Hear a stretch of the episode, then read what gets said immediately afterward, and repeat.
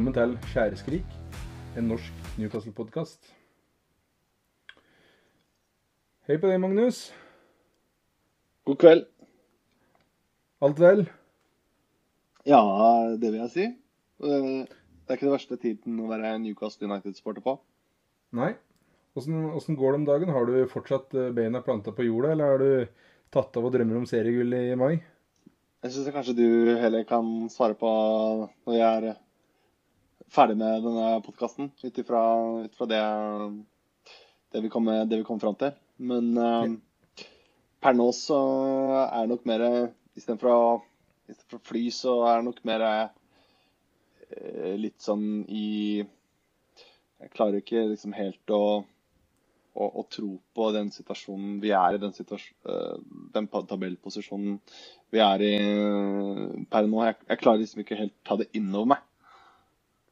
Nei. Det er, det er vi flere om. Og etter kampen eh, som var mot Southampton nå som var, så satt jeg og fruen og så på tabell. Og da gikk det opp for meg at uh, uansett hva som skjer fram mot VM, så ligger vi på topp fire når VM spilles. Ja, ja det stemmer det. Stemmer det. Vi kan tape neste kampen, vi ligger fortsatt på topp fire. Ja, og det er Selv om Manchester United skal vinne neste. Ja, det, det er ikke sikkert. Men det, jeg hadde ikke trodd det. Uh, ikke engang etter den formen vi viste i vår og eh, var, Jeg ble litt mer realist, eller pessimist kan jeg vel nesten si, da, uh, i høst, når det ble så mye uavgjort. Men uh, Eddie Howe har virkelig funnet en god oppskrift på, på dette Newcastle-laget her. og nå skulle jeg gjerne hatt en toglyd på denne podkasten og bare sagt at Newcastle-toget tøffer videre, men uh, det, er- det er moro om dagen. vet du hva en uh, britisk kommentator sa Jeg mener det var Ja, hva en britisk kommentator sa for noen år tilbake når, eh, når Newcastle hadde kvalifisert seg for uh, europacupspill. Jeg, jeg, jeg, jeg kan ikke si hvilket år det var, og jeg mener det var uh, det året uh, Alan Pardew tok eh, Newcastle ut i Europa sist. 2011-2012, eller hva det var. Eh, Hvis du husker hva britisk eh, kommentator sa da? Nei. Jeg husker ikke det her og nå. Nei, han, han fikk i hvert fall Jeg regna med det, men han fikk i hvert fall Jeg mener han mista jobben sin fordi at uh, han påpekte da at det, there's gonna be a tune army rolling over Europe. Altså da eh, med, med med den tilknytningen til eh, at det skulle være som en tsunami over Europa. Jeg mener at han mista jobben sin pga. den kommentar kommentaren der. Så ikke bra. Nei. Oi. Men, men Eh. Newcastle United ut i Europa igjen, veldig bra. Ja, det er igjen det er mye fotball som skal spilles enda, men eh, enn så lenge så ser det unektelig lys, lyst ut for vår del. Eh, jeg nevnte Ja, og så Ja, Eddie Howe, ja. Ja. Jeg, jeg trodde du skulle bort fra han nå, men vi må jo nevne, som du sa, Eddie Howe. Eddie Howe i dag, 8.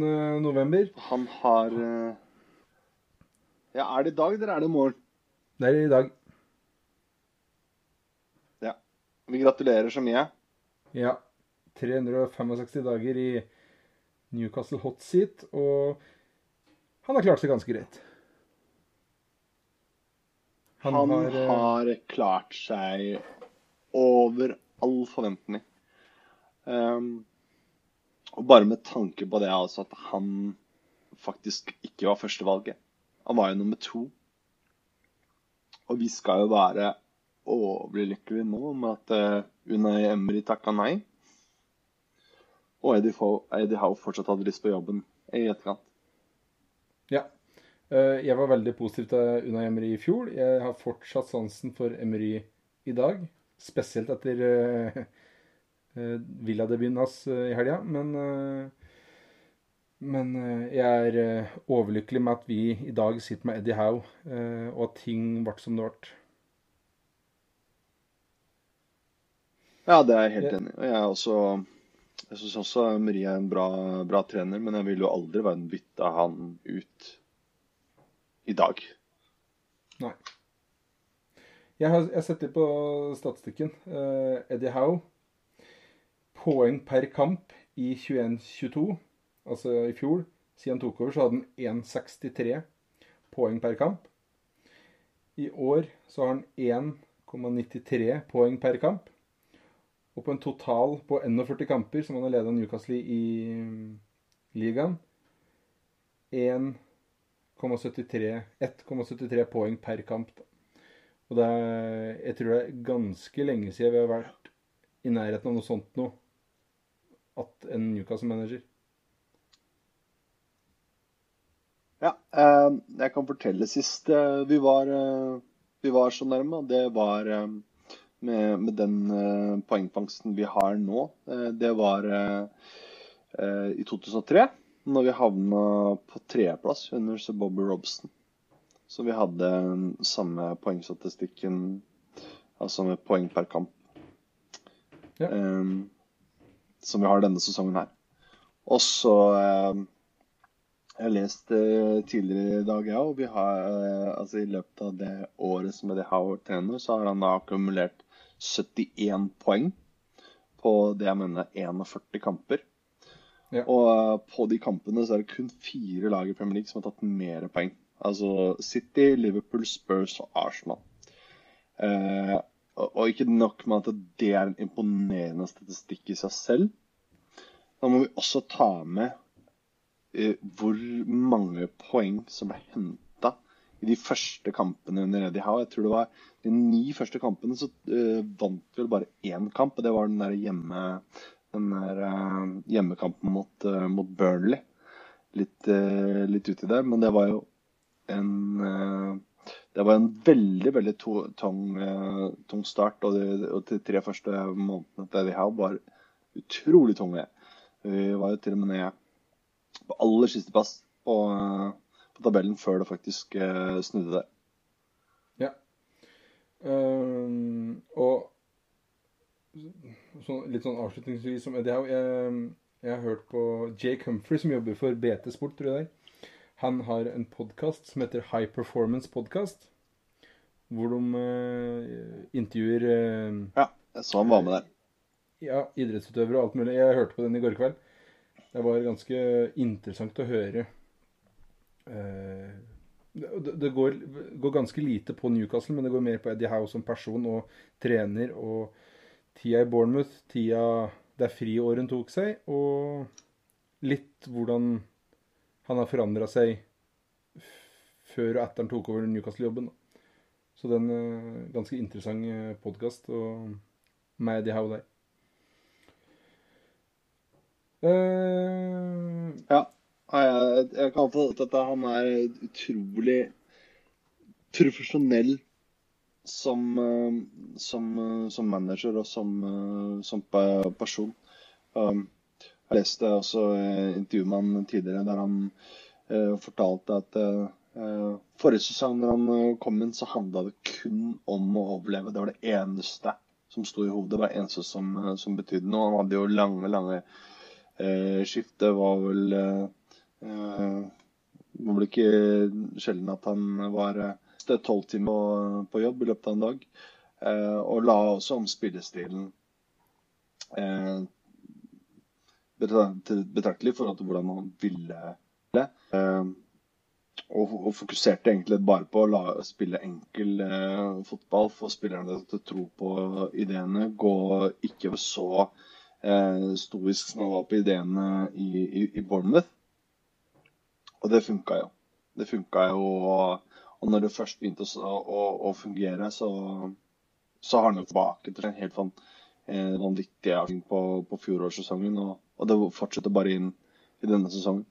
Så det er eh, Og nå, nå spiller han jo mer på den måten som han ønsker å, ønsker å spille. Sånn at eh, det, det, det, blir jo ikke Det er ikke noe som tilsier at, at dette her er tilfeldigheter, eller at vi overpresterer per nå, egentlig. Nei. Det er um, akkurat den type fotball jeg tror Newcastle-fansen ønsker å se. et lag som fighter, som klarer å spille, klarer å spille fotball, og skårer uh, forholdsvis mange mål. Apropos mange mål. Vi har, siden vi sist prata, så er, har vi spilt to kamper og skåret åtte mål. Uh, den kampen som er eldst, uh, som vi ikke har vært innom, er da Villa, hvor vi vinner 4-0 hjemme. Hvor jeg og du mente at Emry var litt for redd for å ta managerstolen til den kampen. Og det var noen som nevnte at det kanskje kunne være arbeidstillatelse. Etter å ha sett kampen, så står jeg fortsatt på at han ikke ville ha den, eh, den kampen der på rekorden sin. Rekorden sin. Det var en, ja, jeg eh, så vi ble, en solid kamp. Vi kan godt stå med det, men jeg så vi ble vi arrestert på det på, på Twitter der. Ja. At det var det som var eh, årsaken. Så jeg måtte gå inn og dobbeltsjekke. Det, det stemmer jo det at, eh, at det var arbeidstillatelse som de, som de venta på. Men uh, vi belager oss på det at uh, det var veldig beleilig for Emery å slippe å starte den kampen her. Ja. Hadde, hadde de sendt inn den søknaden før, så hadde, hadde de vært klar. Mer sier jeg ikke om den saken. Uh, men men, uh, men, men, kampen i seg sjøl er jo en uh, praktkamp. Villa Det er jo en skandale at ikke vi vinner den kampen 6-0, liksom. Ja. Jeg syns vi har det, det, det, er litt Hvis jeg husker riktig. Det er litt, er litt stang ut i starten her i første omgang. Til vi får straffa på på overtid første omgang, og etter det så Da er det aldri tvil om hvor uh, poenget havner igjen, i hvert fall. Ja, det, den kampen der er jo en veldig frustrerende førsteomgang. Der tempoet stadig vekk blir dratt ned. Det er jo flere skadesituasjoner. Jeg sier ikke det at uh, Villa går etter, uh, går etter kun det for å drøye ut kampen, for de har jo reelle, reelle skader. Men, men, de situasjonene som kommer der, det gjør jo at du, du stopper jo, stopper jo flytet i spillet, som vi har vært veldig gode på i, mot andre motstandere denne sesongen her. Men det, det ender jo med at det blir ti minutters tillegg i, i første omgang. Og det er, på, det er, jo i de ti minuttene at vi får åpningsskåringa som, som, gjør at vi kommer i førersetet. Ja. Og Wilson uh, han er solid på straffer, det vet vi. Og som jeg sier, etter, etter pause der så er det ikke noe tvil om, for min del i hvert fall, hvor poenget havner hen. Og kan nå ta med det langskuddet som Almiron uh, sender i veien. Det er nydelig skåring av en nydelig spiller. Ja, vi må komme innom Almiron. Om vi ikke gjør det nå, så må vi komme innom han i løpet av, i løpet av podkasten, for han er jo Altså, det skulle være spilleren uh, som var det svake leddet. Det skulle være posisjonen som var det svake leddet. Og nå er det jo Han er toppskårer. Han er jo førstemann på, på blokka når laget settes opp. Han er jo on fire. Ja. Han er øh, nesten hva, hva, som helst han gjør, så ser det ut til å ende opp i mål. Uh, hvis, vi, hvis, vi, smyger oss over mot uh, Southampton-kampen og førsteskåringa der uh, Der bommer han jo på bommer på ball. Jeg er litt usikker på om han prøver å sentre til Wilson, eller om han prøver å skyte. Men han bommer på ball. Midtstopper, eh, eller forsvarsspilleren der, takler og eh, bommer på ball fordi Almiron ikke får med seg ball. Og da plutselig er han helt alene med Basunu og skårer eh, litt flaksemål, hvis du ser på både skuddet og det i forkant. Men det ser nesten ut som uansett hva Almiron gjør om dagen, så det, blir det noe ut av det. Ja, altså han er jo heldig som får med seg ballen i den situasjonen der. Men han, han er i den posisjonen, og han har ballen inne i, eh, på 16-meteren også på grunn av den enorme selvtilliten han spiller med om dagen. Og fordi han får spille i en posisjon som gjør det beste ut av han. Og vi snakka om det forrige episode. Det er utrolig, Vi fikk jo lytterspørsmålet. Det er utrolig hvor mye god coaching har å si. Men også at Almiron er i en rolle der han faktisk får vært effektiv. da. Istedenfor eh, Tidligere så har jo han vært en uh, spiller som har løpt mye rundt og, og jobba uten å klare å på en måte uh, komme med noen konkrete resultater, noe konkret sluttprodukt. Og det er jo der han er transformert som spiller nå. Ja. ja uten tvil. Det er den Eh, det er den rollen han har som eh, Både i laget, men òg taktisk sett, som gjør at uh, Som gjør at den slipper seg litt mer fri og, og herjer som den gjør. da. Men uh, ja. Vi skal ikke prate altfor mye om de kampene som har vært, men vi har etter øh, 14 runder nå, etter Newcastle har spilt, 14 runder, etter 14 runder så har Newcastle nå skåret 28 mål. Klarer du å gjette hvilken runde vi passerte 28 mål på i fjor? Herregud. Uh, ja, det blir jo gjetting, da. Jeg trodde jo at jeg skulle ha grei kontroll hvis det skulle komme noe trivia her. Men uh, det blir jo gjetting. Men la oss si Um, la oss si at det er etter 25 runder, da. Ja, det er Altså 25 runder på å skåre 28 mål, det er, det, det, det er, litt, det er litt lenge, syns jeg. Men svaret er runde 28. 5. mars Ja, det sier jo litt 20... om hvor lite mål farlig var. 5. mars 2022 skårte Newcastle sitt 28. og 29. mål mot Brighton. Altså i sesongen, da, men Brighton var motstander. I runde 28. Det var, det var eh, nesten en, tre fjerdedeler av sesongen spilt. Der eh, Og nå er vi Nå har vi brukt halvparten av tida. Men, Men, eh, men, men, der igjen, bare med sånn sett tilbake på, da, på de siste eh, to årene, så jeg, jeg leste i forbindelse med Southampton-kampen og sist at eh, nærme datoen eh, kampen var på nå på søndag for to år siden, så tapte vi mot Southampton i en kamp som medførte at Southampton toppa tabellen midlertidig eh, den runden. Eh, så da var jo absolutt eh, Hassenhuttel på vei oppover. Nå er jo situasjonen snudd helt på hodet. Og Hassenhuttel fikk jo også marsjordre kort tid etter å ha fått besøk av The Mighty Mags. Ja. Og uh, Southampton borte, for, for meg jeg, jeg, forbinder det med 4-0-tap. Jeg. Jeg, jeg, tror, jeg, tror, det skjedde to år på rad eller noe, men uh, det, er, uh, det, er, et eller annet med den der lange borteturen der som, som gir meg dårlige minner. så at vi kjenner dit og ja.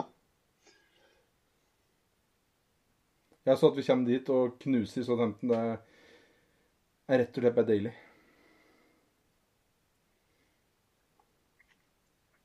Ja, um, og så får vi bare takke og bukke til uh, Mo Elinossi, som ja. uh, klarer å bomme på klokkereint uh, åpent uh, mål. Sånn at når man gjør det mot minst gavmilde forsvaret i ligaen, så må man nesten bare takke seg selv for at ikke, for at ikke du får mer ut av kampen, altså. Ja. Men altså, hadde det vært for et par år siden, så hadde den samme situasjonen der hadde resultert i baklengs. Det, altså, øh, og det er ikke fordi at Bruce var trener eller sånne ting, men det er bare den flyten Newcastle er i om dagen. Det hadde vi vært i en dårligere form, så er jeg sikker på at dette målet der hadde Eller Elunussi hadde skåra målet der, og så hadde kampen sett helt annerledes ut. Ja, kampen kunne sett annerledes ut hvis han hadde skåra også, men eh, jeg tror faktisk ja. likevel vi er jo fortsatt er klart, klart det beste laget. sånn at jeg, jeg ser på en måte ikke noen grunn til at ikke vi skulle kunne klare å få med oss alle tre poengene selv om han hadde sittet der. Nei. Men det nærmer seg VM-pause med stormskritt. Det er eh, to kamper som gjenstår. Eh, I morgen, onsdag 9. november, så er det tid for cup igjen. Og det er Det begynner å bli en stund siden forrige runde, men eh, Crystal Palace i ligacupen hjemme hva, hva slags tanker har du om den kampen der, Magnus? Vi kan jo starte med en trivia der på, på deg, da. Kan du, du kan jo mimre tilbake til eh, forrige hjemmekamp i ligacupen, og hvordan det gikk. Uh, nå, nå, uh, nå har jeg en, uh, jeg har en trivia der etterpå. Men, så jeg jo sett litt på statistikken. Er, var det Burnley tap i fjor? Andre runde? Ja, det, jo, det ble jo tap til slutt, for det var jo 0-0 på fulltid. Men, eh, men eh, knepent eh, straffetap der når Chris, Chris Wood skåra for, for Burnley og sendte oss ut av ligacupen. Og det er for øvrig en av de en av de verste kampene jeg har sett Newcastle spille. Jeg har sett mange dårlige Newcastle-kamper, men eh, i hvert fall en av de desidert verste kampene jeg har sett Newcastle United spille under, under Steve Bruce. i hvert fall. Ja. Jeg, jeg husker ikke kampen Så godt. vi men, håper på eh, Jeg både håper og tror på en helt annen kamp nå i morgen. Ja. Eller i dag, avhengig av når man lytter. Ja. Uh, da skal jeg ta så fyre i gang en liten, uh, lite spørsmål av deg. På Gjør det det? cup, ligacup. Vi, vi gir jo selvfølgelig litt betenkningstid her til hverandre, sånn at de som hører på, kan eh, komme med et lite tips til seg sjøl. Men øh, hva er det lengste Newcastle har kommet i ligacupen i dette årtusen? Altså siden tusenårsskiftet. Altså siden år 2000? Ja. Ja, eh, det er jo kvartfinalen, Eh, Ja. Vi spilte jo kvartfinale under eh, Bruce eh, eh, Ja, hva blir det? Blir det eh, Nei, ikke forrige sesong, men sesongen før det. Ja. Kvartfinalen. Stemmer. Når vi røyk mot eh, et eller annet drittlag som ikke jeg husker. De er i Premier League nå. De var vel ikke det da. Brentford. Ja, stemmer. Ja. Eh, siden år 2000 så har Newcastle da vært i kvartfinale i liga, ligacupen hele fem ganger. Det skulle en ikke trodd. Uh, Tapte mot Brentford i 2021. Hull i 16-17. Spurs i 14-15. Chelsea 06-07 og Chelsea 01-02. Men nå kommer det litt førende spørsmålet. Hvor mange hvor mange mål har Newcastle skåra på de fem kvartfinalen?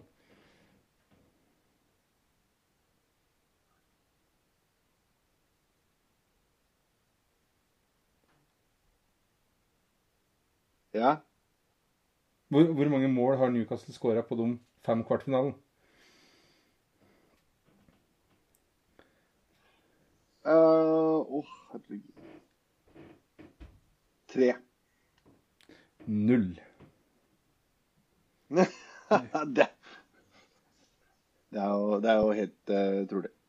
Ja, det er, altså Noen har gått av straffespark, og det har blitt overtid. og Mot Hull så ble det overtid. Newcastle skårte i det 98. og slapp inn i det 99. og Så gikk det straffer. Men i ordinær tid så har de skåra null mål på, på fem kvartfinaler i ligacupen. nå, nå, tror jeg hvis vi går til en kvartfinale i år, så, så vil jeg tro at uh, det endrer seg. Og så en liten fun fact. Vi har aldri blitt slått ut i en cup av Crystal Palace. Bank i bordet. Vi begynner ikke med det i morgen, vi begynner ikke med det i morgen heller, så det skjer ikke. Men uh, Nei. jeg tror ikke det hjelper ja. å banke i bordet, men det er greit.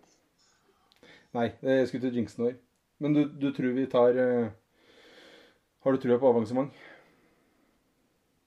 Jeg har trua på avansement, men samtidig så um, håper jeg og tror at vi får se litt andre spillere som ikke har vært bankers på, på laget denne sesongen her. Og jeg er klar over at vi har bare én hjemmekamp eh, til i ligaen før vi har eh, VM-pause. Men, eh, men, jeg tenker at hvis ikke du skal gi sjansen til, til litt sånn backup og squad players i en tredje runde i, i ligacupen, så kan jeg ikke skjønne når du skal, når du skal gjøre det. Så jeg vil gjerne se Andersen fra start. Jeg vil gjerne se Lascelles tilbake. Jeg kunne gjerne sett Shelby. Eh, Maximin, eh, så klart. Som egentlig er tiltenkt vanligvis som en del av eh, startelveren, men, men holder seg utenfor laget nå. Eh, så kan jeg gjerne se Frazier og, og, og Target.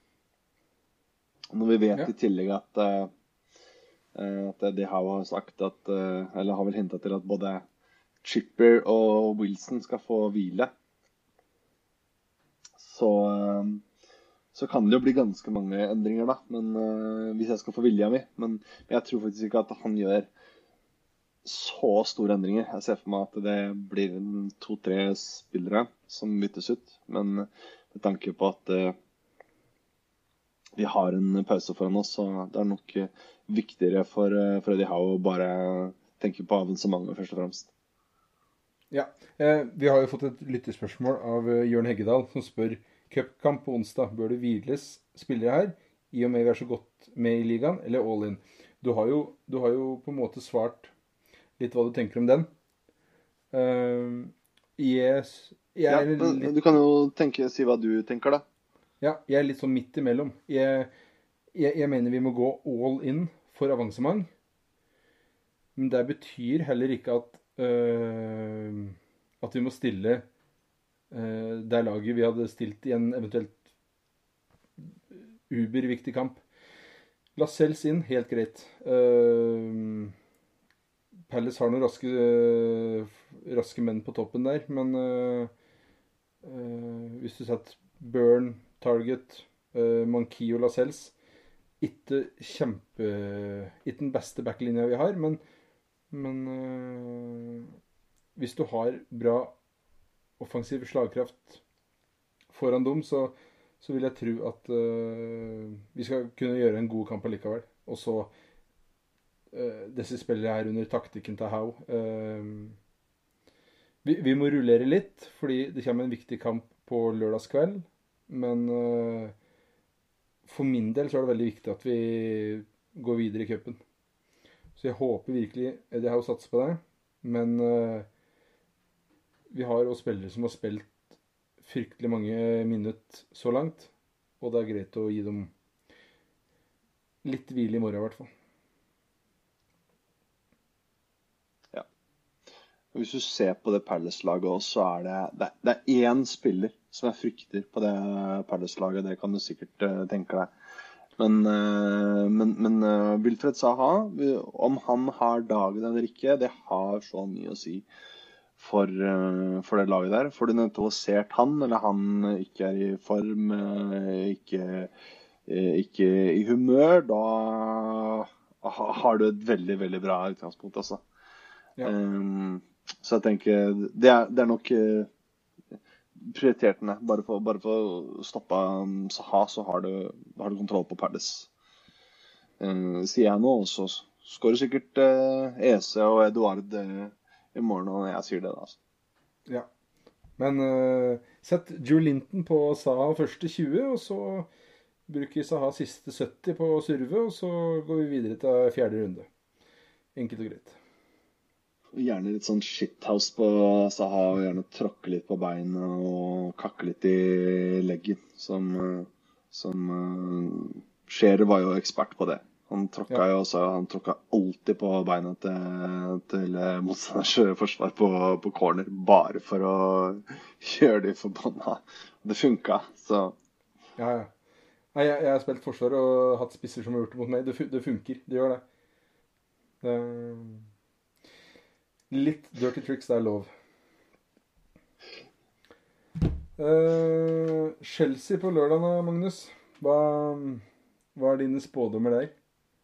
Er det lett å spå et utfall mot et uh, Chelsea-lag som uh, i hvert fall jeg føler ikke helt vet hvor er hen om dagen?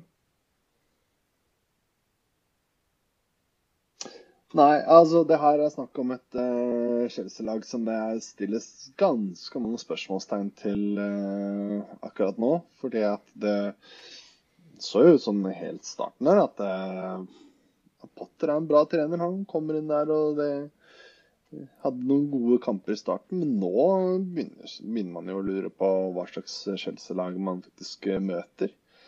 Uh, jeg ser jo ikke veldig mye med det Chelsea-laget her nå som gjør at jeg frykter at de skal komme til St. James' Park, men jeg tror, jeg tror heller i stor grad at det er motsatt. At eh, det er et Chelsea-lag som syns det er veldig ekkelt å komme og, møte et lag i såpass mye medvind på på en uh, I det kokekammeret som uh, som, som St. James' Park er for, for tiden. Så jeg, jeg, jeg, kan ikke se for meg at, at Chelsea reiser fra den kampen med tre poeng. Og skulle de gjøre det, så er det fordi at da skjer det et eller annet abnormt. Altså tidlig rødt kort eller straffespark eller noe sånt noe som gjør at, uh, at, de skal få med seg poengene. Hvis ikke utenom det, så er jeg veldig, veldig confident, som man uh, sier. Uh, ja. hva, hva, tenker du? Jeg, jeg, er, jeg, er, nervøs foran den kampen. Fordi, som jeg sier, det er umulig å vite hva slags Chelsea-lag du får på besøk. Men samtidig så er det det er eh, Jeg ser for meg en type kamp som vil passe oss veldig bra. Vi er i veldig god form. Vi har gode ballspillere. Og vi er gode på kontringer. Hvis Chelsea kommer til St. James' Park og går for tre poeng, så ser jeg fort for meg at vi kan, eh, vi kan få en ganske morsom kamp. Eh, også, også med Newcastle og gir. Fordi Eh, jeg skal ikke si at Chelsea er under press, eller Potter er under press. press der har han ikke vært der lenge nok til. Men resultatet begynner å legge merkes til. Uh, Tapte mot Arsenal i, i, London Derby nå sist. Uh, ligger uh, seks poeng bak Newcastle. Så jeg tror Chelsea kommer til New St. James' og prøver å vinne. Og da kan det bli spennende med den effektive kontringsfotballen Almiron og Newcastle har vist uh, siste drøye måneden. Så jeg, jeg, gleder meg, men jeg, jeg er litt nervøs. Jeg skal innrømme det. Jeg har vært mer nervøs inn mot andre kamper den, eh, denne sesongen her. Eh, men når vi skal spille på hjemmebane nå, eh, så er det ingen lag jeg er spesielt altså Nå har vi allerede hatt City der, så det er ingen lag jeg er spesielt nervøs for å, for å ta imot på, på hjemmebane nå. Og spesielt ikke Chelsea i den formen de er i nå. Eh, plukke ut Det er noen enkeltspillere på det laget som syns spes, spesielt skumle ut der nå. Altså, Aubameyang har eh, ikke lønt seg som en signering enda. Eh, jeg syns ikke Stirling har overbevist i noen stor grad etter at han kom opp. Eh, spillere som skal til, til VM, sånn som, sånn som Mason Mount, da, en bra spiller, men jeg syns også fortsatt at han kan bli litt lite produktiv til, eh, til tider. Og jeg syns ikke han er noe noe spesielt eh, giftig spiller, I hvert fall ikke når laget fungerer ikke fungerer godt nok eh, rundt han. Så det er altså kan, selv, om, selv, om, Chelsea på papiret skal fortsatt være bedre enn en Newcastle United, hvis du setter opp spiller for spiller, så skal de være bedre. Det er et lag som koster mye mer penger å sette sammen. Men det er ingen spillere jeg kan plukke ut på det laget der som jeg syns han synes er skummelt å møte. Han syns det er skummelt å spille mot. Uh, nå er jeg redd for den, den spilleren. Og det er lenge siden jeg har hatt den tanken når vi, når vi møter Chelsea. Ja, men, men det jeg synes, det er, Når jeg tenker over det, det som gjør meg nervøs, er at jeg har trua. Altså, Jeg syns det er skummelt å ta imot Chelsea i dårlig form. Fordi ja. jeg har trua på at denne, altså denne, denne går an å vinne. Jeg tror ingen blir overraska hvis vi vinner på lørdagskvelden. Ja, og, og, og, så, er det Nei, men, men, det er det at tidligere så har vi hatt så har vi ikke hatt noe å tape ved å møte Chelsea på hjemmebane. Det er ingen som har forventa noe fra den kampen. Nå er det ganske, mye, nå er det ganske stor forventning knyttet til den kampen. Vi har faktisk noe å tape. OK, vi, som, som vi snakka om, vi har fortsatt uansett en topp fire-plassering før VM-pausa. Men det er en mye mer sikker topp fire-plassering vi har hvis vi ikke taper den kampen, eller hvis vi slår Chelsea før um, før, før, pausa. Så vi har liksom for, for første gang på lenge noe, noe, å tape ved å møte et såpass bra fotballag. Det er både det og er litt sånn surrealistisk. Da.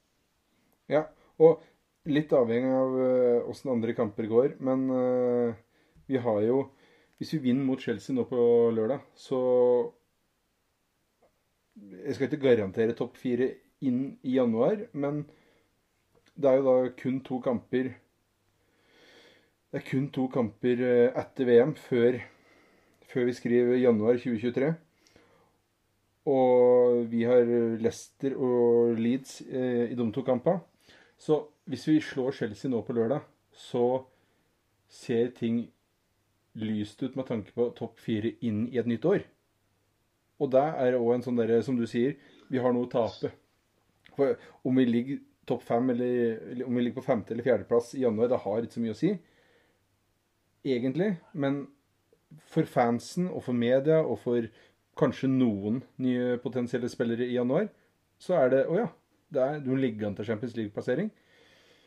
Uh, jeg, jeg, tror det er viktig å avslutte ja, Kall høstsesongen i Premier League uh, sterkt. Og det, det, det, er det som gjør meg nervøs.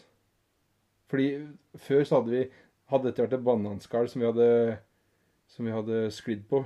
I, i den grad at uh, vi tror vi kan vinne. Vi har, vi har, muligheten til å vinne. Og så har vi ikke gjort det. Så jeg tror det er det som gjør meg mest nervøs. Ikke nødvendigvis Chelsea, men uh, ramma rundt. da.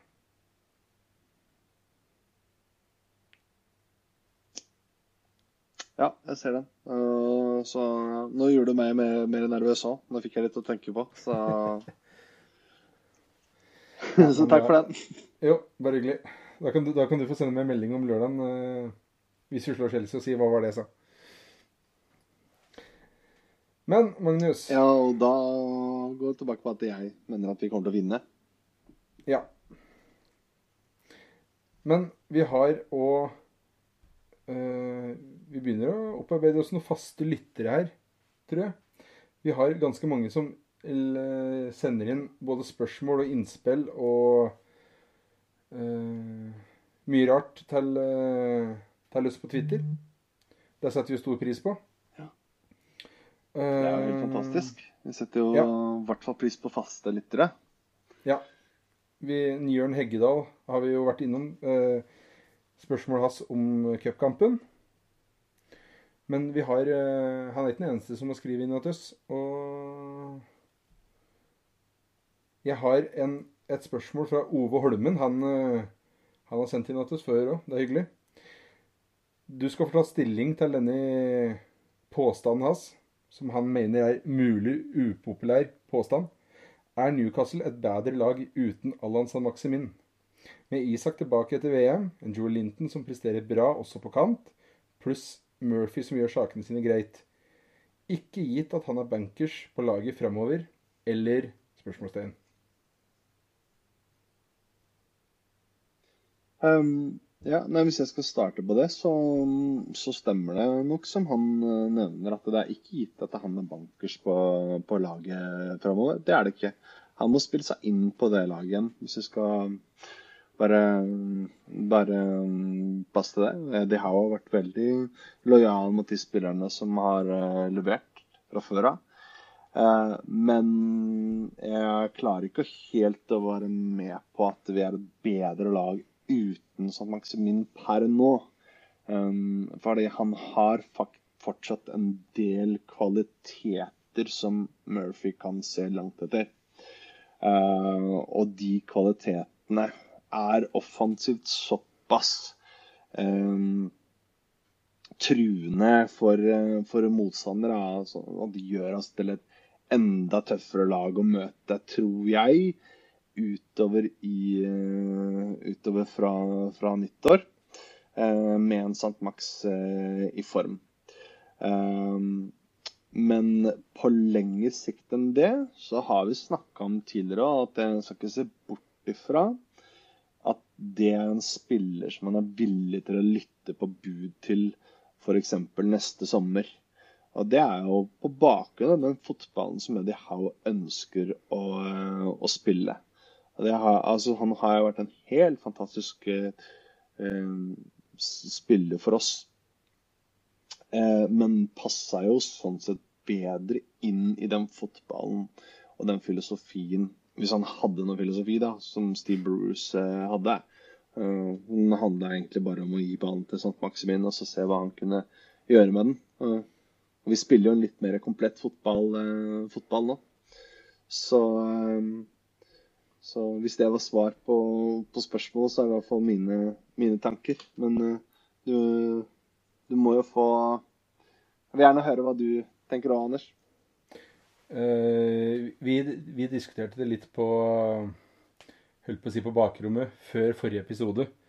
Uh, hvor jeg uttrykte min skepsis til om Samaksimin passer inn i laget. Men han har vært skada mye denne våren, nei, høsten her. Jeg husker ikke helt hvor mye han spilte i fjor, eller i vår.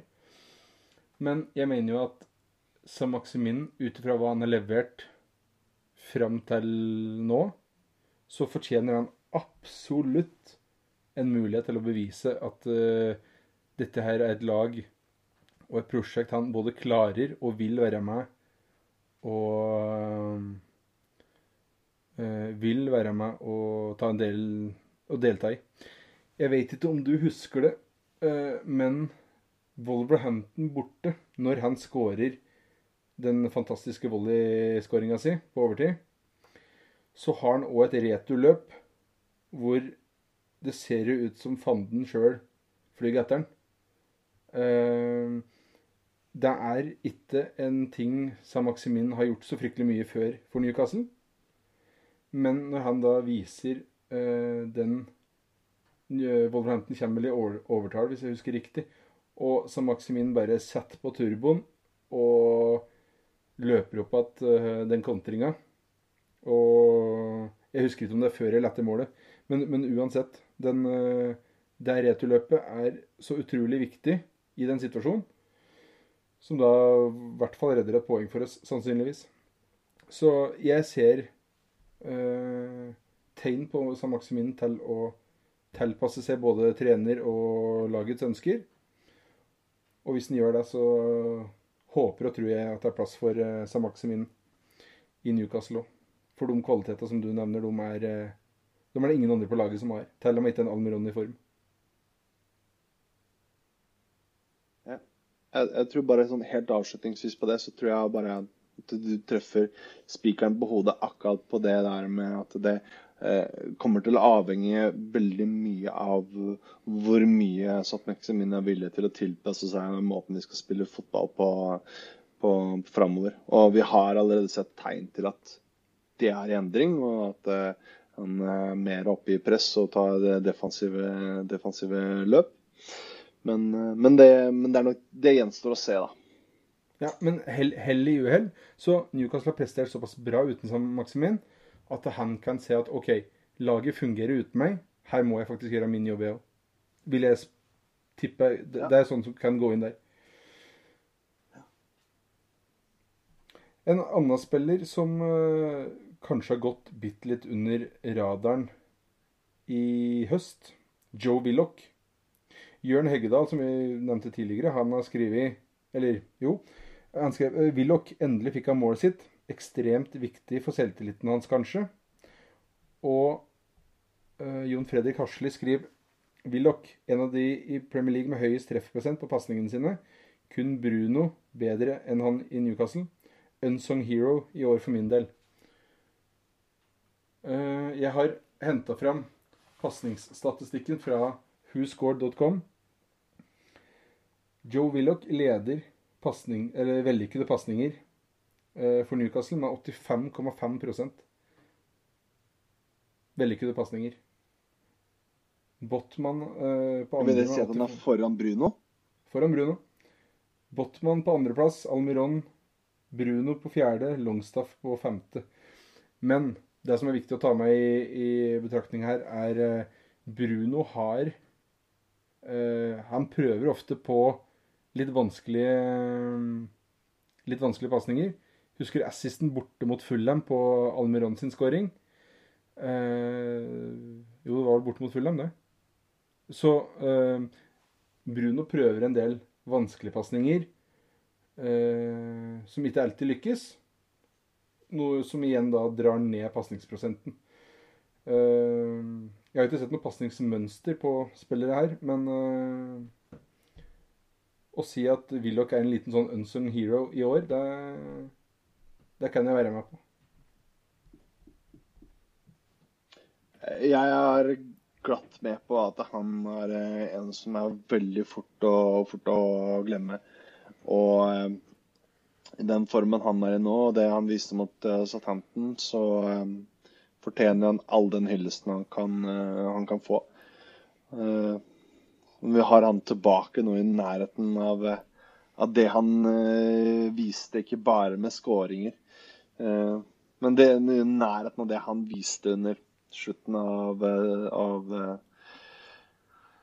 av fjorår ikke fjorårssesongen, men det var sesongen før det. Ja. Ha han men, men, i nærheten av, av, av, noe av det, så er det jo en juvel vi sitter på. Ja. Jeg var jo en av ekstremt få som var kritisk til Willoch etter den fantastiske våren han hadde for oss. Ja, da. Fordi jeg mente at bortsett fra måla, så var det, det var lite bidrag fra Joe Willoch. Eh, og det, det, den står jeg fortsatt for. Men så ser vi da eh, Willoch er en del av et lag i høst som har prestert meget bra. Uh, han blir nok litt mer usynlig med både Joe Linton og Bruno sammen med seg. Men uh, Willoch har absolutt gjort en god jobb i høst. Og er en del av et lag som fungerer meget bra. Og jeg er villig til å spise de ordene mine om, uh, om Willoch. Jeg, jeg syns han er en dårlig fotballspiller. Jeg syns bare at han fikk litt mye skryt etter de eh, målene han skårte den våren, fordi han tilbydde ganske lite utenom de målene, mente jeg, da. Men eh, nå begynner vi å se en god Men, fotballspiller i Joe Willoch. Jeg vil bare si meg Jeg vil bare si meg enig i i akkurat det. Eh, det jeg tenkte rundt det, var at eh, det var, jo, det var jo, helt umulig at uh, han skulle klare å, å gjenprodusere noe i nærheten av det han viste mot slutten av den sesongen der. Og at det, sånn som jeg tenkte, da, skal vi, OK, skal vi inn og hente han nå, så kan det umulig ende med noe annet enn en liten skuffelse. Eh, fordi var, han var jo på en skikkelig hotstreak. Han hadde jo ikke hatt noen sånne perioder i Arsenal eh, tidligere heller som tilsa at det var noe som kunne, skulle fortsette. Så for meg så virka det som at det var det som var tanken bak eh, å hente han da, og at det var noe supporterne eh, krevde da. framfor å gå inn og hente den spilleren som faktisk kom til å passe inn i laget, eh, kom til å ta Newcastle et eh, steg videre. Men det var, virka heller som at de henta han fordi at det var et supporterkrav.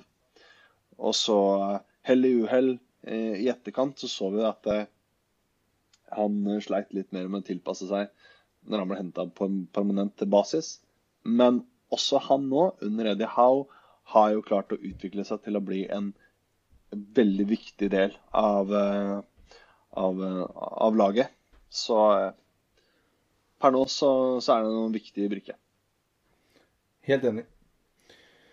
Da er vi enige med de gutta der i at uh, Willoch uh, er litt uh, er litt unsung hero. Men vi, uh, vi prater på uh, vi prater på indreløpere. Uh, Arve Hellum er et, uh, et spørsmål. Vi uh, prøver å holde den litt kort. Men evighetsmaskinen Longstaff tilbake på nivå under Rafa, eller enda bedre? Har du noe ord om Longstaff? Um, jeg tror nok uh, Jean Longstaff også er en, en, av de som fort går litt under, under radaren. Fordi at han er en spillertype som ikke nødvendigvis alltid gjør det mest flamboyante um, tingene og havner litt i, i skyggen på, på, midtbanen der. Men når laget fungerer igjen, uh, sånn som det gjør nå, så gjør jo han også en bra figur. Og han uh, også er jo en viktig del av, uh, av laget, da. Men så tror jeg samtidig at han er nok den spilleren som er kjappest å rykke ut av laget hvis han skulle ha en, eller to dårlige kamper eller noen dårlige involveringer. Men, men, jeg er veldig glad for å se at uh, Longstaff er, fortsatt er en del av, uh, av, uh, av planene. Um, og at han uh, er nærmere der nå at han er den spilleren som var linka til Manchester United for en, en to-tre år siden. Um, så han viser litt om den bredden vi sitter på i midtbanen nå, som vi egentlig før sesongen var redd for at var for, eh, for lite, da. For lite bredde. Men vi har jo faktisk flere spillere som, som kan levere den eh, posisjonen, posisjonen der nå. Ja. Jeg har, har, lyst til å nevne det begrepet som jeg, som jeg dro inn sist, når vi pratet om Almiron rollespiller. Uh, han, er, han, er, uh, han, har klare mangler på, som indreløper, men som defensiv midtbanespiller så har Eddie Howe klart å finne nøkkelen til å få Sean Longstaff til å eh, være god igjen, da. Hvis vi kan si det på den måten. Jeg, jeg, tror Sean Longstaff får ganske enkle arbeids arbeidsoppgaver. Eh, og er såpass lojal og tro til deg at han utfører dem på en god måte. Han skal ikke drible av eh, fire mann og kølen i krysset fra 40 meter. Han skal, eh, han skal gi juling, han skal få juling, og han skal Litt sånn quarterback-aktig. Ligge og strø litt pasninger. Eller være med å dytte litt boller til Bruno Willoch og Joe Linton. Det er mitt, eh, det er mitt tips. Her var funnet en god rolle til enda en spiller.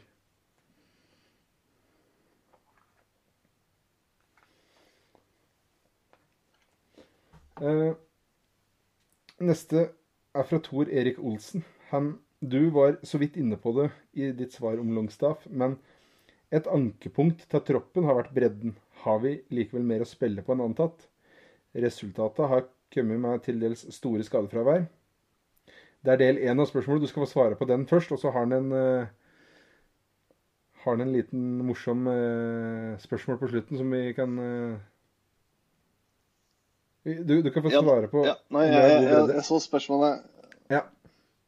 Ja, jeg så spørsmålet til Tor Erik, men, men vi, ja, vi har vært innom det jeg mener at vi har større bredde i den troppen enn det vi trodde, eller jeg trodde vi hadde før sesongen. Så jeg er mindre bekymra for den bredden nå. Um, I flere posisjoner. Men jeg er fortsatt uh, bekymra for hva som skjer hvis vi får skader eller uh, eller suspensjoner eller mister altså viktige nøkkelspillere, ryggmargen i den laget. Uh, sånn som nå Bruno er blitt. Uh, sånn som hvis vi mister flere i den forsvarsfyreren Batman f.eks. er jo blitt en enormt viktig spiller. Han har ikke vært med på å tape ennå. Um, og hvis vi mister Wilson og ikke har Isak tilbake, da, um, så får du en merkbar dropp i kvalitet når du skal bruke Chris Wood istedenfor. Men, men ja, ja en, en, større bredde enn det jeg tenkte vi har, som er utelukkende positivt. Uh, og så tenker jeg at det er også noe vi kommer til å styrke ytterligere i januar. Til Selmektor du går helt av skaftet. Og så for, for, å Jeg kan jo si siste delen av spørsmålet, for Tor Erik lurer på om jeg husker hvilket hotell vi bodde på. Når, uh, når vi var på kamp i, i, i Newcastle sist uh, Og nå prøver jeg å komme på hvilket år det var. Uh, men uh, vi var i championship, for det var opprykkssesongen til Chris Huton. Så det er vel 08-09 vi snakker. Vi var på, på, Newcastle mot Ipswich. Et Ipswich som var under kontroll av en Roy Keane. Uh, vi brukte store deler av kampen på å rope at uh, Roy Keane fortsatt er shit scared of Shearer som går tilbake til en, en oppheta diskusjon mellom de to uh, på en kamp på, på St. James' på, på 90-tallet. Men uh, spørsmålet var jo hvilket hotell vi bodde på. Spør, det, spørsmål, spørsmålet, spørsmålet være... spør, eh, Ordlyden her er viktig. Spørsmålet er om Magnus ja. husker navnet på hotellet i Newcastle der han og jeg delte seng. Ja, ja, stemmer. Um, jeg mente jeg mente jo, og jeg sa til Torgeir jeg, jeg, var helt sikker på at jeg hadde bestilt uh, dobbeltseng. Men, um, men uh, Nei, ikke dobbeltseng. Uh, separate senger. Ja. men, men uh, det hotellet der var litt sånn hipp som happ og ikke så, så nøye på, på det. men det må jo være Jasmine Park hotell som man, som man, tenker på. Jeg hadde vært på det um, hotellet et par ganger tidligere. Så jeg pleide å, å, bruke det. Jeg tror kanskje ikke det er i drift lenger. Men det var et veldig koselig, sånn familievennlig hotell. Jeg husker Vi, vi traff på en, en, annen norsk Newcastle-sporter som heter uh, uh, Jeg mener det var samme turen. Og vi traff på en som heter Kyrre Øye, som du kanskje kjenner til fra, fra supporterklubben. Ja. Vi har gått på samme skole. Ja, han hadde vært ute på Ja, dere er det? Ja. ja. jeg mener han hadde vært ute på treningsfeltet og, og hilst på spillere uh, på den turen han var, var nede på. Men uh, Justin Park hotell er uh, riktig svar, Tor Erik. Og jeg hadde booka med, med, to senger, det er jeg ganske sikker på. Men hyggelig at ja. husker det. Det er gode minner for Tor Erik, tydeligvis. Um, uh, Tor Magne Madsen han uh, kommer med litt skryt og så et spørsmål. Uh, siden dere var så flinke på ballerobringer sist, et nytt spørsmål basert på hva jeg har sett. Hvor stor del av innleggene kommer fra høyre? Og ja, her kan dere legge, igjen legge debatten om rollespillere. Klar trend fra spill fra venstre, via midten, over høyre og innlegg. Og så har han en kommentar til, og hvis de spiller seg ut på høyre, så vrir de ofte over på venstre for så å vri tilbake til høyre. Øh, høyere inn i bana. Venstre ving, venstre indreløper inn i boks. Føler ikke vi har fått bra uttelling på innlegg. Jeg skal bare skyte inn der. Jeg er helt enig. Jeg syns ikke vi har, et, vi har ikke noen god uttelling på innlegg. Men så kommer det litt an på hva du definerer som innlegg. Uh, men, men der, der, har vi absolutt en uh, Vi har en vei å gå der. Men har du, har du noen tanker om øh, den om hvor stor del av innleggene som kommer fra høyre, Magnus? Ja, ja, jeg var redd du skulle spørre noe om jeg hadde noen tall på hvor, hvor stor det er innleggene som kommer fra høyre. Uh, og jeg har leta, men jeg klarer ikke å finne det tallet på hvor stor andel som kommer fra, fra høyrekanten. Men det jeg har funnet uh, fra en veldig kul Twitter-konto som heter YA uh, Stats, som også blir brukt av av uh, nufc.co.uk. Nå klarer jeg ikke å jeg, jeg, klarer ikke å finne noe, så jeg klarer ikke å, å, å stave hvordan du, hvordan du, skriver YA uh, stats. Men ja uh, det, Jeg er sikker på om man klarer å finne det. Men uh, de hadde i hvert fall laga en oversikt over utviklingen til Almiron som spiller på høyrekant, da, kontra når han spilte mm, i andre posisjoner eller andre roller eh, tidligere. Og den viser jo eh, at, ja, at, statistikken på alle mulige punkter har blitt eh, bedre, altså mer positive. Eh, I alle forstander. Og det som utpeker seg mest, er jo ballberøringer innenfor motstanders eh, 16-meter. Eh, som hadde gått opp da fra 1,68 eh, i snitt da, eh, berøringer per kamp til eh, over tre eh, berøringer denne sesongen, eller, eller når han har starta på, på høyrekanten. Og da mener man, altså Med berøringer så mener man jo Eh, men hvor lenge man, man, fører ball. Men det er hvor mange ganger han, han har med seg, eller tar, med, tar, imot eller tar med seg ballen inn i, i 16-meteren.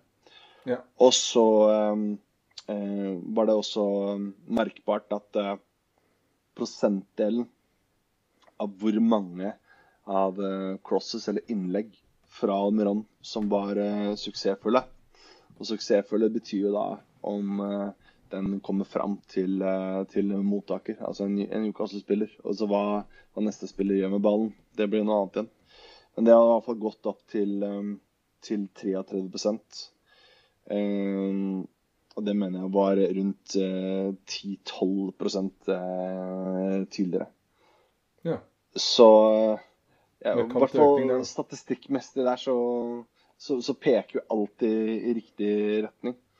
Og så um, må jo gjerne du også nevne litt mer på hvor mye det har å si, den, den rollen han har, da. Ja, for, fordi eh, det eh, for, for, meg så er det ganske tydelig eh, Jeg har selvfølgelig sett litt på statistikken, men, men, men utover det så har vi Vi har en høyrekant som har en rolle Noen vil kalle det brytende spiss, noen vil kalle det innoverkant. Jeg velger sistnevnte. Eh, Almiron er en innoverkant som trekker inn på venstrebeinet, som da skaper mye rom for høyreback, overlapp, Kieran Trippier. Beste øh, ja, I hvert fall innleggsfoten vi har øh, i klubben. Vi har jo uh, lenge siden sett en lignende innleggsfot. Og da mener jeg ikke pasningsfot, men, men evnen til å skru disse bolla innover på måten som han gjør. Uh, og Kieran Trippier får mye rom pga. rollen til Miguel Almiron. Og vi ser på statistikken, så Kieran Trippier har da flest innlegg per kamp. Tre og en halv, tre og et halvt innlegg per kamp. Helt, uh, helt kurant. Jeg, har ikke fått uh, rakket å sammenligne med andre høyrebacker i Premier League, men det som er ganske interessant i forhold til statistikken vår, og som Tor Magne Madsen spør om, er på andreplass på innlegg per kamp så har vi Matt Target.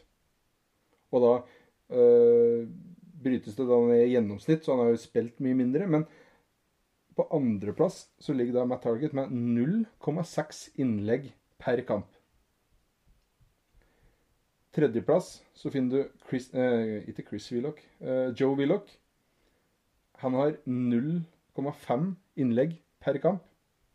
Og han, han, spiller da gjerne venstre indreløper og vil da ha innleggene sine fra fra venstre kant. Uh, uh, Dan Byrne, venstre back, spilt uh, mest i år. Han har 0,1 innlegg per kamp.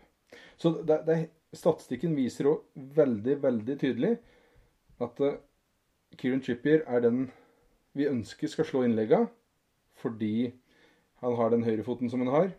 Og uh, jeg tror Tor Magne Madsen har observert ganske korrekt i at vi ønsker å vri spillet fra venstre til høyre og så få innlegg. Uh, nesten uavhengig av hvor vi har ball i banen. Hvis vi spiller ball over på venstre, så vil motstanderlaget skyve seg over, naturlig nok, for å forsvare ballside. Kjapp spillvending, og så innlegg fra Kieran Tripper. Det,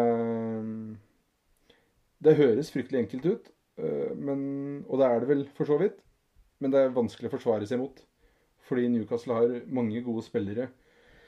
Jeg så en statistikk på at uh, Joe Willoch og Joe Linton har leder uh, expected goals per 90 minutt av sentrale og defensive midtbanespillere i, i Premier League.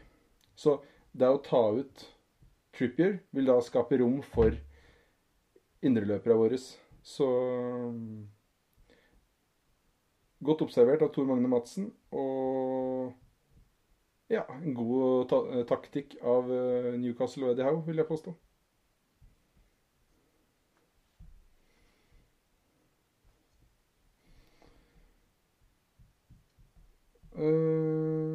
Har, vi har to lytterspørsmål til, Magnus. Jeg skal være kjapt ta et fra Tom Dahl på Twitter. Uh, og uh, han uh, spør om naming rights til stadion. Eventuelt utvidelse bygging. Og hvilke posisjoner vi må forsterke i januar for å sikre Europacup. Dette pratet vi så vidt om i stad, før vi begynte, Magnus. Det er noe vi har lyst til å spare ja. til en episode under VM-pausa. Så dessverre, Tom øh, den, Det spørsmålet legger vi på is. Vi legger det bak øret. Og så dukker det opp i en episode under VM. Ikke sant, Magnus? Ja. ja, det tenker jeg. Men så tenker jeg også at uh, før vi spiller inn den episoden, så hadde det vært veldig gøy å, å få litt uh, tilbakemeldinger fra, fra lyttere også, om det var uh, noen som hadde har noen tanker rundt sånne type spørsmål. da. Ja. Uh, og hva man tenker tilbake, husker tilbake forrige gang man hadde navnedebatt rundt, eh, rundt uh, stadion. Hva man tenker om å bygge nytt stadion. Og, og framtiden. Og ja, selvfølgelig hva, hva vi gjør i, i, i januar. Um, apropos forsterkninger i januar. Uh, Garankuol, som er signert fra Central Coast Mariners i Australia er da tatt ut til eh, VM-troppen til Australia. Så det Han gleder meg til å se. Jeg har sett så vidt av han i, i A-league i Australia, det er, men det er ganske lite. Så jeg, håper, jeg håper og tror han kommer til å få litt spilletid for Australia i VM. Og så Enn så lenge så er det vel han og Bruno som er tatt ut uh, av de troppa der. Endelig. Ja, det er vel ikke, alle troppene er vel ikke ferdig? Nei. Enda heller. Det blir nok noen engelske England er vel ikke tatt ut ennå. Nei, der driver de og prater på en 55-mannstropp, så uh, Men uh, Trippier Pope er vel ja. ganske bankers der, vil jeg tro. Siste spørsmål. Ja, jeg skulle vel tro det. Så ja. Siste spørsmålet for i kveld. Halvor Prestmoen kunne tenkt å hørt litt om eventuelle talenter klubben har i porteføljen. Og da er det jo veldig lett å peke på Elliot Anderson først og fremst, er det ikke det, Magnus? Jo, eh, nå tenkte jeg du skulle på han eh, Garang Kole, ja, men, eh, men, ja, Elliot Anderson er jo er jo sånn sett den av de, av de, av de unge talentene som er kommet lengst per nå, og som er en del av A-laget, og som spiller Eh, A-lagskamper. Og så har jeg selvfølgelig glemt eh, Jeg elsker jo sånne kallenavn. Men eh, The Jordan Maradona, Yes. selvfølgelig, er jo, er jo uh, Elliot Anderson. Han er per nå det mest spennende unge talentet vi har i klubben. Heldigvis er han her ennå. Spennende å se om Vet jo aldri om, om det er en spiller som kan forsvinne på, på lån i januar ut sesongen, hvis, avhengig av hvem, hvem vi henter. Men, uh, men det er i hvert fall en spiller med potensial. Som man tidligere fort kunne forsvunnet ut av, ut av klubben for å, få, for å få mer ut av karrieren sin. Ja.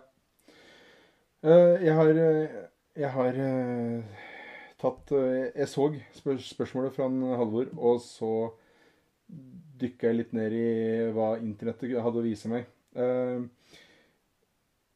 Vi har tre talenter som er Som i hvert fall jeg tenker er verdt å merke seg. Det er Dylan Stevenson, som blir 20 år i desember. Han er en spiss og kant.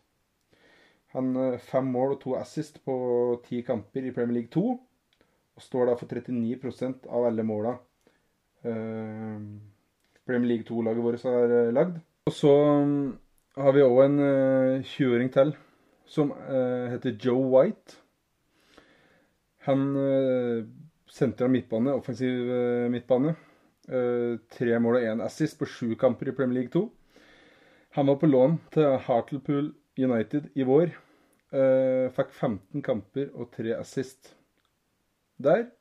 Og spilte, spilte faktisk en halvtime i FA-cupen mot Palace uh, mens han var på lån i Hartlepool. Og så er det en unggutt som heter Jay Turner Cook. Han blir 19 på nyttårsaften. Han er faktisk fra Kom fra Sunderland. Uh, Senter av midtbaner eller kant. Og har eh, åtte kamper i Premier League 2. Ett mål og to assist. Men det jeg oppdaga når jeg drev og søkte meg litt rundt på dette, her, er at eh, Joe White og Jay Turner Cook er eh, to spillere som ganske ofte er med og trener med førstelaget. Uh, Eddie Howe ser til dem to hvis uh, uh, Ut ifra hva jeg skjønte, så er det litt sånn der day to day basis, basis så de kan få beskjed på en tirsdag at i morgen så treng, trengs dere på førstelagstrening, og så, hvis de ikke får noe beskjed, så er de trener de med U21. Så de er nok ikke helt klare for noe førstelagsspill enda. Men samtidig så ser jeg ikke på det som helt utenkelig at det kanskje er en av disse tre her med på benken i morgen mot Palace. Det er, virker som det kan være eh, en fin mulighet for å i hvert fall være med få førstelagserfaring. Om du ikke spiller kamp, så i hvert fall få den der match-feelingen rundt, rundt det å være med på kamp. da. I hvert fall Jay Turner Cook er i hvert fall et navn som jeg vet jeg har sett eh, flere ganger på, på benken. Um, Førstelagskamper. Og, og så skal jeg ikke være helt sikker på om det har vært Premier League-kamper eller om det har vært cupkamper. Men uh, jeg vet i hvert fall at han har vært inne i A-lagstroppene tidligere. Det er som du sier at det, det blir litt spennende å se om, om, det er noen av de som vi kan se på, på benken. Uh, jeg, jeg, jeg, har ikke så veldig mye å, å, å supplere med, bortsett fra at jeg syns en, en spiller som Santiago Munoz Eller Munez um, fortsatt er uh, noe som er litt spennende å se om kan, kan komme noe lenger, da. Og det kan vel hende at det handler en del om uh, om filmen, filmen 'Goal' og hans navnebror Santiago Mune, Munes, eller Munes der. Og historien rundt han. Men, men, det er jo veldig morsomt at klubben henter en, en søramerikaner med, med ung talent med, med samme navn. Ja, ja. Det. Vet ikke om du har sett filmene? Jo, jo, jo. Det... Men da har jeg en, en, en liten trivia til deg, siden du har sett Ja. det. For du vet jo Goal 1. Ja. Um, når Santiano Mungunus kommer til Newcastle og oppfyller alle sine drømmer ved å, ved å spille på St. James' Park. Og så er det Goal 2. Og Goal 2 har en undertittel. Og i den undertittelen så er det en skrivefeil. Eh, litt usikker på eh, om det er tilsikta eller ikke. Og eh, jeg skal deg, hjelpe deg enda litt til før du skal få svaret. For eh, i undertittelen så står det eh, på Goal 2 så står det 'Living the Dream'. Kan du tenke deg hva som er feil i undertittelen på Goal 2? Uh, living the dream.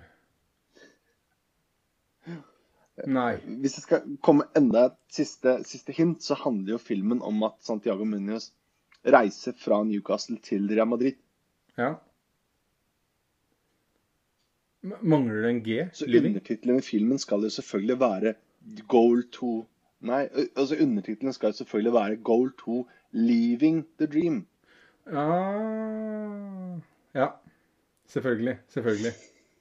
Den er Vi Du slår til med humor uh... hu Humor er bra høy bra. klasse i Ja, ja, ja. Uten tvil.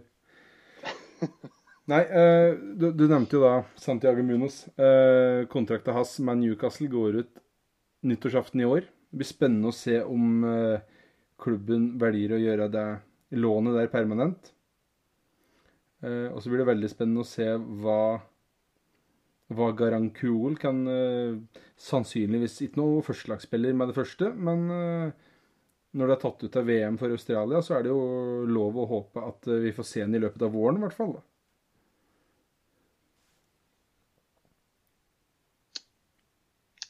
Ja, og så Det jeg også kom til å tenke på sånn helt på slutten på det, på det spørsmålet, er at framtidig nå så slipper i hvert fall å se på at det store talenter som burde spilt i Newcastle, forsvinner fra klubben. Og et eksempel der er jo Shola Shortire, som eh, nå spiller i Manchester United, som er, uh, som er Geordie.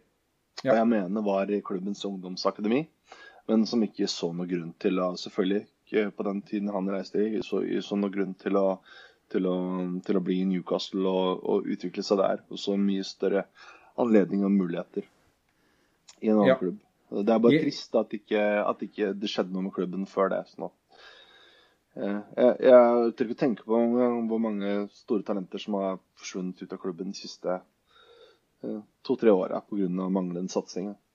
Nei, men akkurat den der Shola Shortire, den har jeg eh, Jeg husker jeg la ut en tweet om det. Uh, at jeg syns det var eh, skuffende at han uh, Jeg lurer på om han skulle satt på benken mot Newcastle eller noe. Men da tror jeg fikk tilsvar på at det var familien hans som flyttet til Manchester før han holdt på å si var gammel nok til å bli boende igjen i Newcastle sjøl, da. Ja. Så vi skal, ikke- vi skal ikke ta det for helt for god fisk. OK, det forklarer jo litt, da. Men, ja, jeg, jeg håper det stemmer. Nei. Ja. Men da syns jeg vi har eh, fått eh, svart sånn noenlunde OK pluss på alle lytterspørsmåla òg. Hvis det er noen som er misfornøyd, så får de eh, slenge inn igjen en, en annen gang. Vi tar imot ris og vi. Men Ja. um, um, har, vi, har vi noen ny opptelling nå på sesongkonkurransen? Eller tar vi det neste gang? Eh, Etter Chelsea-kampen så kommer jeg til å legge ut en ny eh, En ny eh, oppsummering på åssen den, eh, den ståa er. Eh, det blir litt mye jobb å ta det hver, hver gang, så da setter jeg meg heller ned litt lengre tid litt innimellom. Og, og le- legge ut en oppsummering på en fem-seks kamper. Har ikke noe oppdatering på det akkurat nå. Det skal du få lov til. Og så får jeg vel heller Nei. Så får jeg vel heller eh, oppdatere både lyttere og deg at eh, jeg ligger eh, over deg i vår fantasyliga. Ja. Men du har jo fortsatt mulighet Jeg tar-. Jeg er i hvert fall inne på topp ti i vår i Skjæreskrik sin liga. Ja. Jeg trøster meg med at det er en maraton, jeg. Det er mange kamper ennå. Ja. Du får trøste deg med det du kan. Yes. Nei, men da, Magnus, da er det bare én ting å si, og det er Away the lads. Away the lads.